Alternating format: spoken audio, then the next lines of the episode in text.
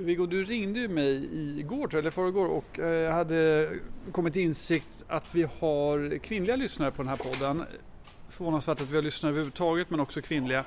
Och då sa du att du skulle bättra det lite grann, jag vet inte riktigt vad du menar med det. Men sen så hade du också dragit analysen att eftersom vi har kvinnliga lyssnare i podden så skulle du anpassa samtalsämnet lite efter det. Och då har du kommit på att vi ska prata om Leif GW Persson. Hur tänkte du då? Nej, men jag tänkte, först tänkte jag så här att jag skulle eh, skärpa mig. Jag ska komma med skarpare spaningar, jag ska förbereda mig, jag ska tänka efter så att det blir roliga och spännande ämnen. Det låter lite som ditt kvartssamtal i nian tycker jag. Alltså, sen tror ju jag att alla människor i Sverige är intresserade av vårt största orakel. Och då eh, kan man ju liksom rapportera lite om det. Sen tycker jag så här att eh, vi har vad jag vet eh, tre kvinnliga lyssnare. Min fru, Pia Gon och vad heter det?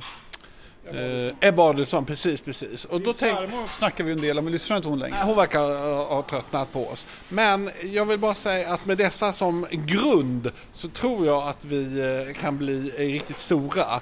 Och eh, jag säger inte att... Eh... Du har rätt. Nej, men alltså, har, jag... har vi de här tre, då, kan, då har vi fall alltså... med. Då har vi hela Sverige. Nej, men vi har ju... Man kan, det är ju liksom... Jag eh, gjorde ju en podcast, eh, jag har gjort eh, två podcast tidigare. Eh, en med Katarina Gospic och en med Dominika Peczynski. Och det var ju ett sätt att få eh, fler kvinnliga lyssnare. För att, eh, ja, det kom till med fram tjejer och raggade efter, ja, för att de tyckte så synd om mig för att Dominika var så elak mot mig. Så att där fanns det liksom en viss potential. Men nu har jag gift mig så att jag har inget behov av sådana kontakter. Men... Eh, du gillar fortfarande att bli förödmjukad i etern så att säga ett självskap. Ja, men jag tror eh, det som du håller på med det drabbar inte lika hårt. Eh, ja, det, det ja, never mind. Du, ska jag sätta igång och berätta om, om GV eller? Ja, gör det. gör det. Kan inte du ställa frågor så kommer jag liksom in i, i rätt mode? Ja, det ska jag verkligen göra. Eh, jag antar att det här har med Leif GW Perssons öllansering att göra tillsammans med Torsten Jansson och Pontus Fritiof. Enda skälet till att Pontus Fritiof gör det här det är för att han ska se slank ut, vilket han verkligen gjorde på pressbilderna. Inklämd som en liten spinkig skolpojke mellan de fysiska giganterna Leif GW Persson och Torsten Jansson. När träffades ni? Jo, nej men då var det så här att vi träffades i tisdags och då var det så att pressträffen började klockan 11.30 men jag befann mig då i Stockholms stadshus och bevittnade när Viking Line skrev på ett kontrakt om en grön korridor. Så att jag kom liksom sist av alla till pressträffen och normalt sett när man kommer för sent då, eh, det är aldrig bra att komma för sent, jag försöker alltid komma i tid, till exempel idag, nu kom jag här två minuter innan vi skulle börja. Men då var jag försenad och då... Igen, det här skulle handla om Leif GW Persson, inte din logistik mellan eh, olika punkter i Stockholms innerstad tänkte kanske att det ska leda fram till en poäng som eh, någon kan tycka är intressant. Och jag närmar mig... Gärna idag om det går. Om det är möjligt så gärna idag. Nej men då var det så att då var det fullt i stora matsalen så att eh, vi som kom sist eh, och några eh, konstiga personer blev inskuffade i ett eh, liksom chambre separé långt från händelsernas centrum uppfattar jag det som. Men när jag satt där i eh, periferin då upptäckte jag att bredvid mig satt eh, eh Leif GW Perssons extra son eh, Ari, Arai, Irai, Irai heter han. Känner du till honom? Nej, det gör jag inte. Nej. Ja, men eh, Leif GW Persson han har ju sex barn och så plus då den här eh, extra killen och eh, han var då, ni, vet sån här den mest eleganta formen av iranier man kan tänka sig. Smal, lång, elegant, vacker blick, bländande leende, intressant, lite mystisk. Precis din typ alltså. Ja, jag började snacka med honom istället då. Det, ja, det var ju superintressant. Eh, jag försökte få klarhet i den här eh, frågan eh, varför alla iranier, varför alla tandläkare är iranier. Ja, precis. Och Har du en iransk tandläkare eller? Eh, jag är tvungen att tänka, för det har jag inte. Nej, det har jag absolut inte. Vilken etnicitet har din tandläkare då? Eh, svensk lantras, ska jag säga att det är. Ja, men den här killen han visar sig att han hade ett litet tandläkare... Du har helt rätt i det, alltså, jag håller verkligen med den spaningen. Men det där är kul, för jag bara inflika kort. Jag kommer att när vi var på, på, på Resumé och vi frågade Bergs, eller Bergs frågade oss på något sätt i dialog varför det inte var några utlandsfödda som blev, vill jobba med reklam. Nej, och det är för att eh, de vet ju inte vad reklam är i Det är inte Iran. tjusigt. Man ska vara tandläkare eller ingenjör om man ska vara någonting. Precis, så där tänkte jag så här, för att då är det ju så att eh, iranierna när de har kommit in, då kan de välja mellan läkarlinjen och tandläkarlinjen. Och judarna, de väljer ju alltid läkarlinjen. Det finns ju vad jag vet ganska få judiska tandläkare, men en hög med eh, judiska läkare. Och iranierna... Ordning, simma inte ut på för djupt vatten nu. Du vet att du lätt får kramp.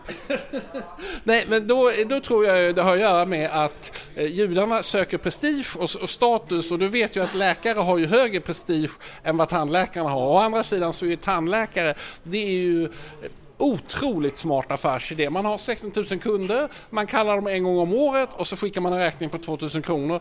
Och de flesta är det bara hej, hur är det med dig? Och så, så tittar de på en i typ fem minuter och sen så bara ut och sen så en ny faktura. En läkare däremot, är jävla massa grejer som kan gå fel. kan Men en man- tandläkare... Man kanske inte väljer de här yrkena för att primärt tjäna pengar. I övrigt reserverar jag mig Alltså, tydligt det- mot din rasbiologi. Och det tredje vill jag säga att jag har tre mjölktänder kvar och alla från några hål.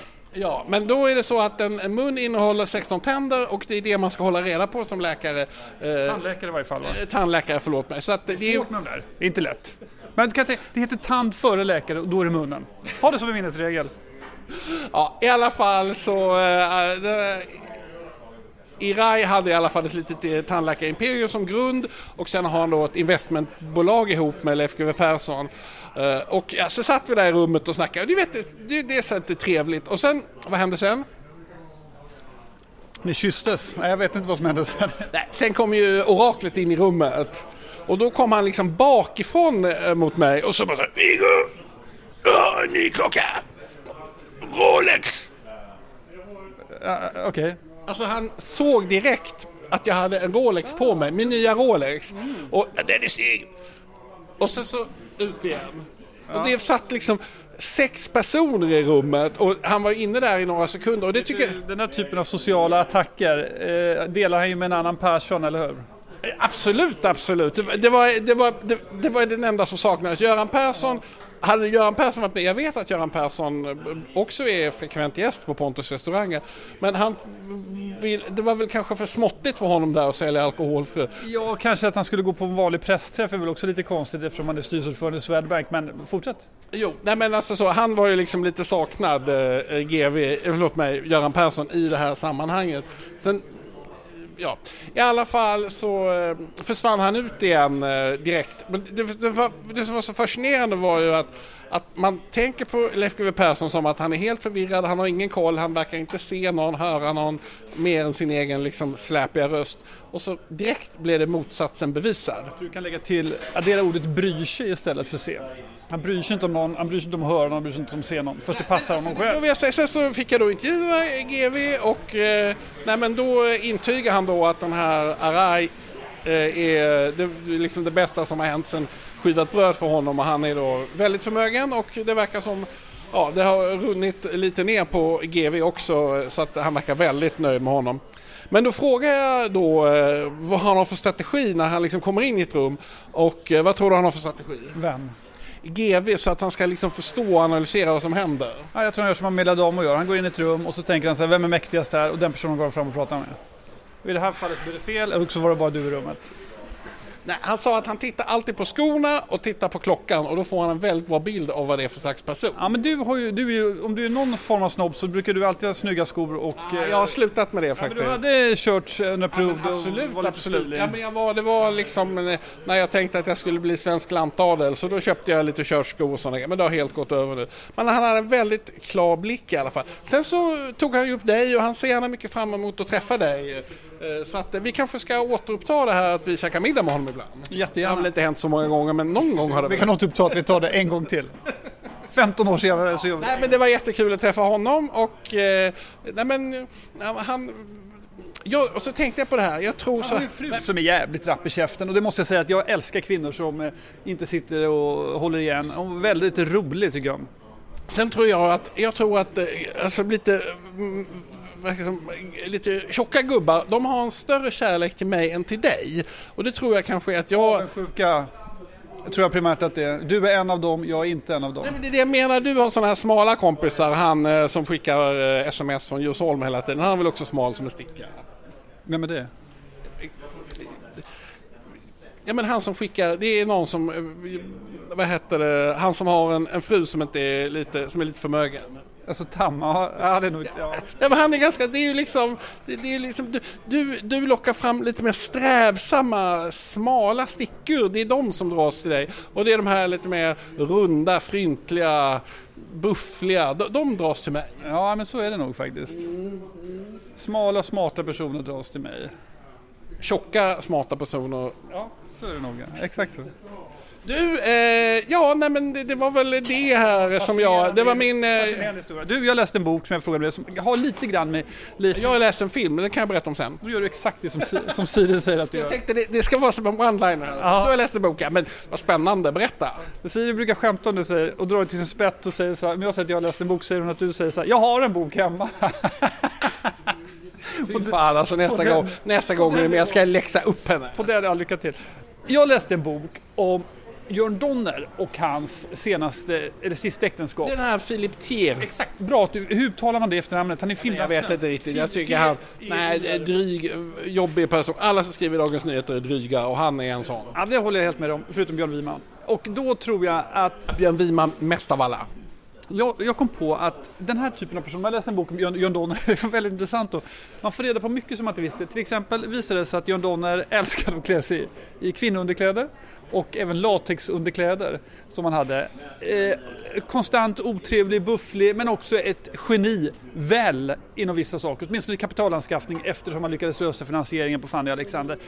Frågan är ju, de här manliga skitstövlarna, de har ju ett visst underhållningsvärde men är de bara så briljanta för att de själva lyckas få oss att tro det? Eller för att de beter sig så avskyvärt som man börjar tro att de är briljanta? Eller för att de verkligen är briljanta? Vad tror du? Alltså det är, tyvärr är det ju så att detta är en utdöende ras. Först var det dinosaurierna och sen så var det de här vidriga mansmännen. Alltså det, är, det blir allt färre av dem och de är inte socialt accepterade här på 2000-talet. 1900-talet det var deras storhetstid och, eh, nej men då, och då kunde de buffla sig mot varandra. Men där tror jag eh, det, det är en utdöende ras. Ja, det- Men jag tycker intressanta detaljer om, om Björn Donner. Han... eh, vad sa? Jag, Björn? Jag tänkte på, ja skitsamma. Jörn. Nej men han, det, han, han väcker ju någonting. Ja, nej men det är väl liksom som en viss utrotning. Man börjar skjuta vissa och till slut så är det liksom inga Man kvar. fattar, och jag håller med om det, men man fattar också att väldigt många av de här, de spelar ju bara dryga och arroganta och det är för att de antagligen har som eh, Margareta Strömstedt, äh, jag ska inte säga det, här, eh, eh, för att de antagligen är blyga eh, eller något annat. Han verkar ju varit, eh, ja men eh, jag funderar väldigt mycket på den typen av manlighetstyp. Som sagt, det är väldigt roligt att läsa om dem men det måste ju vara avskyvärt att ett vara en av dem eller också vara i närheten av dem. Har vi någon sån här kvar? Som man, vem är den sista då? Som är men jag, tror att, jag tror att eh, de har ju ett väldigt spännande liv sådär. Som han, eh, liksom eh, en fru som verkar gilla honom och så, så en älskarinna som verkar avguda honom. Ta och läs den här boken för så är alltså, det verkar ju inte vara helt... Men hon är väl lite sur nu men, men alltså så, nej jag vet inte riktigt. Jag tror att den här genikulten, alltså att, att anses vara ett geni, det, det händer ju inte unga män idag. Nej, Utan, också, definitionen av hur ett geni ska föra sig har ju ändrat sig. För att om vi skiter i, så om det här, vi pratar om förpackningen bara, så det finns ju massa genier idag, eller om man liksom så här, multibegåvade personer, renässansmänniskor, men de beter sig ju inte. De kan ju fortfarande hämta på dagis och ställa en väckarklocka och behöver inte dricka whisky eh, jämt och ständigt. Det är ju, det, där är ju den stora skillnaden ja, nej men alltså på något sätt den här larger than life karaktären, den håller ju på att avskaffas. Och det är ju tyvärr då eh, offer av detta är ju jämställdhet och metoo och massa sådana här grejer hit och dit. Det har ju eh, ja, ändrat spelplanen och eh, nej men, det är väl bara att acceptera att nu kanske det kommer vara, komma fler kvinnliga. Men du är ju lite den där typen faktiskt. Du är ju sist, du, jag ska inte säga att du tillhör den, det men du är liksom en syssling till den där manlig, ma- äh, manlighetstypen. Jag säger igen en syssling, inte en kusin, inte en bror och inte en av dem. Men du har, men du alltså, har jag- det i det faktiskt. det har du. Alltså jag känner Du ju... ska tacka din lyckliga stjärna över att du hade en så eh, sympatisk och stark mamma och att du inte är eh, 15 år yngre. För det hade kostat stått dig dyrt. Nej men alltså om du tä- tänk, om du tänker dig ett Shakespeare-drama så finns det ju alltid en kung. Men jag, eh, jag, jag strävar efter den här puckrollen som kan liksom glida in och ut ur olika eh, system och, och liksom leka runt bland makten. Men jag tror vi har ju, alltså det finns ju, alltså Elon Musk är ju en sån person, eh, heter, Steve Jobs är en sån person. All, du jämför Sebast alltid med de här personerna. Det är så roligt att du gör det. Du tar de mest framgångsrika personerna som finns i hela världen och sen så jämför du med dem. Nej, men jag, jämför... jag beundrar det hos dig. Jag beundrar nej, men, nej, men alltså, jag jämför mig inte med dem. Donald jo. Trump är en sån person. Jag, jag jämför mig inte med dem. Jag är ju som Roger Stone. Det är min, det är min roll. Eller eh, Puck eller ja, kanske lite som Ebbe Karlsson. Det är där jag vill vara den här lekfulla spelevinkeln som dyker upp överallt, men var fan kommer han ifrån? Och sen så ska jag vilja försvinna igen, det är där jag vill vara. Du däremot, vem vill du vara? nu fick jag det allt. Nej, men jag sitter och tänker på Ebbe Karlsson, det är också en jävligt intressant person. Vet du vad, eh, Patrik Adenius, jag har börjat eh, kalla Patrik Adenius samma smeknamn som Ebbe Karlsson hade på honom när de jobbade ihop på Albert Bonniers förlag. Vet du vad han kallar honom för? Nej. Putte! Uppmanar jag alla kalla Patrik för. Det är kul att säga. Putte, putte, putte. Du, jag har ett guilty pleasure som jag måste erkänna för dig som är så jävla fult och som jag skäms mycket för. Ja, berätta. Spännande. Jag kan tyvärr inte. Och igen, jag skäms för det. Men, men det visar också hur stört allting har blivit. Jag kan inte låta bli att se klippen när Joe Biden säger någonting fel. Ja, det är så jävla sorgligt. Jag söker mig till dem som flugor kring en sockerbit. Alltså, och jag, jag, vet inte, jag sitter bara och väntar på hur tokigt ska det bli den här gången. Hur ska, hur ska han reagera? Ska han fatta att han har sagt fel? Ska han märka publikens sorl? Jag vill verkligen sluta med det här men jag kan inte låta bli. Nej, men det är ju spännande för att det visar ju att avgrunden öppnar sig inom överskådlig tid eh, eftersom jag, eh, jag, jag ser de här klippen också. Jag, jag söker inte upp dem som du gör men jag blir ju väldigt påverkad. Varje gång han dyker upp i TV så, så inser man ju att eh, Donald Trump kommer ett, ett steg närmare presidentskapet i USA och vad det innebär. Eh, det, det är som, jag, nej, varenda gång han dyker upp tänker jag så här, nu måste jag förbereda mig mer på hur det kommer bli. Ett, ett tecken som kan liksom en slags mildra den här känslan av undergång är ju att om han får en jordskredsseger Donald Trump så kommer han bli så jävla glad att han det liksom kommer kunna vältra sig i det. Det är ju, det är ju när han blir arg som, som det är oroande.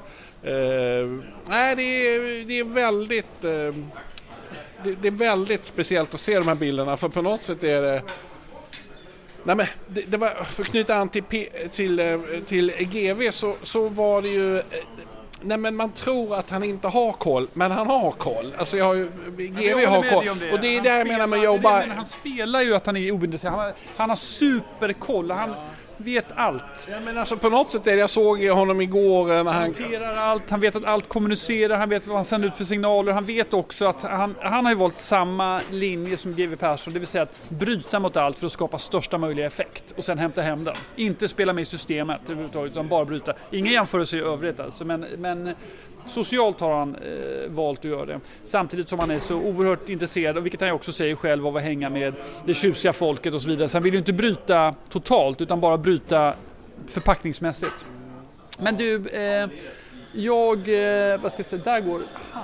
Han är fan med lite lik Donald Trump. Eh, du, eh, jag, jag, kan avsluta med en liten varning. Ja? Nej men alltså jag gå inte på bio. Nu har jag varit på bio några gånger här på sista tiden och alltså man blir ju fruktansvärt besviken. Och häromdagen så var jag och såg den här Swedish, nej, Sauna Sisterhood någon slags dokumentär. Porr ska man inte se Big och det ska du akta dig för. Nej. Ja, men alltså, det var det. Den här filmen den handlar då, fick man veta innan, att ett antal kvinnor sitter i en bastu och pratar. Och då tänker man sig, åh det kanske är någon uh, vacker kvinna som sitter där i bastun och berättar något spännande och roligt.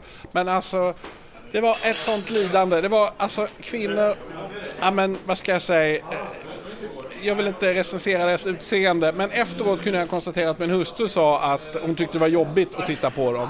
Och eh, det kan ni ju själva tolka hur det var. Och sen så pratade de då och det var liksom allt var ett helvete. De hade blivit våldtagna, de hade blivit misshandlade. Det var liksom, fanns ingen ljuspunkt överhuvudtaget. Och så pågick detta då i en och en halv timme, man kunde inte gå därifrån.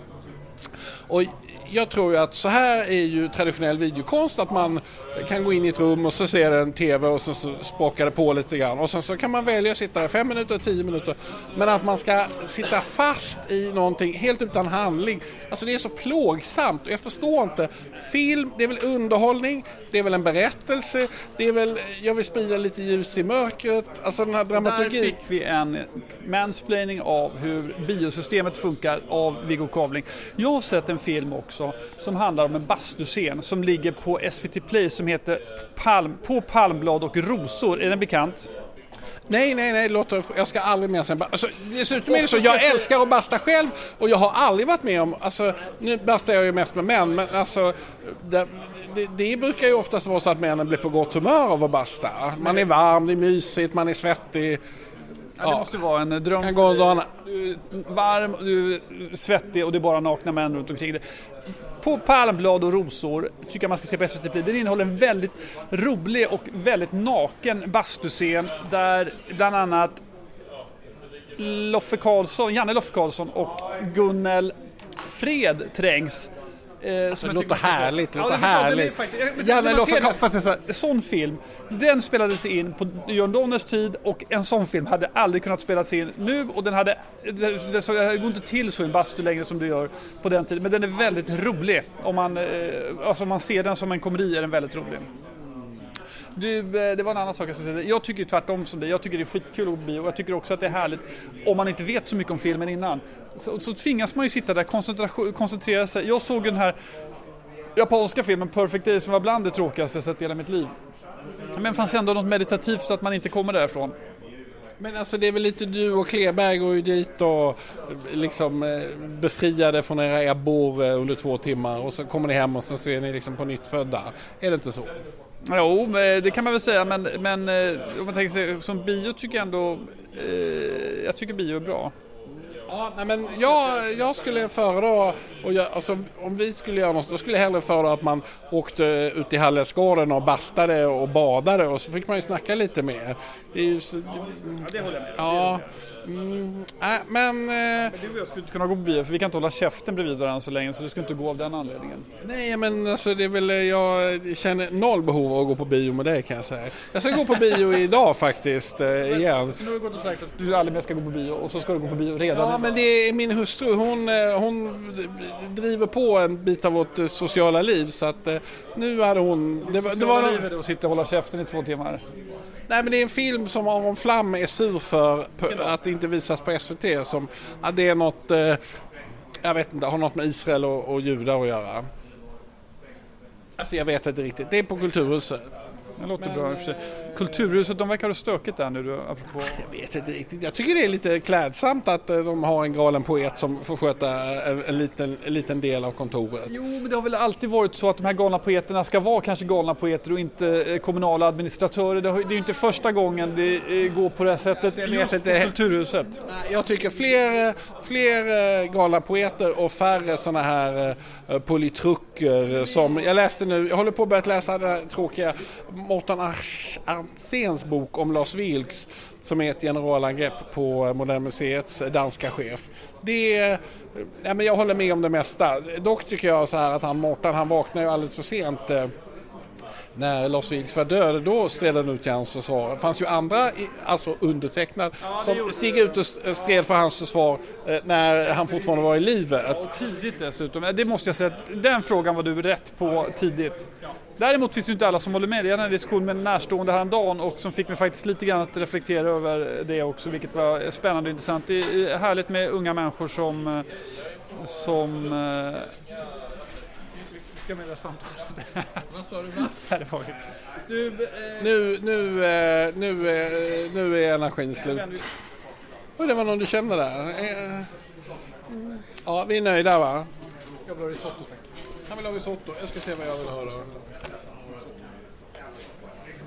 Du... Ja, men jag, vad fan står risotto? Det står ingen risotto här. Jag tar risotto också.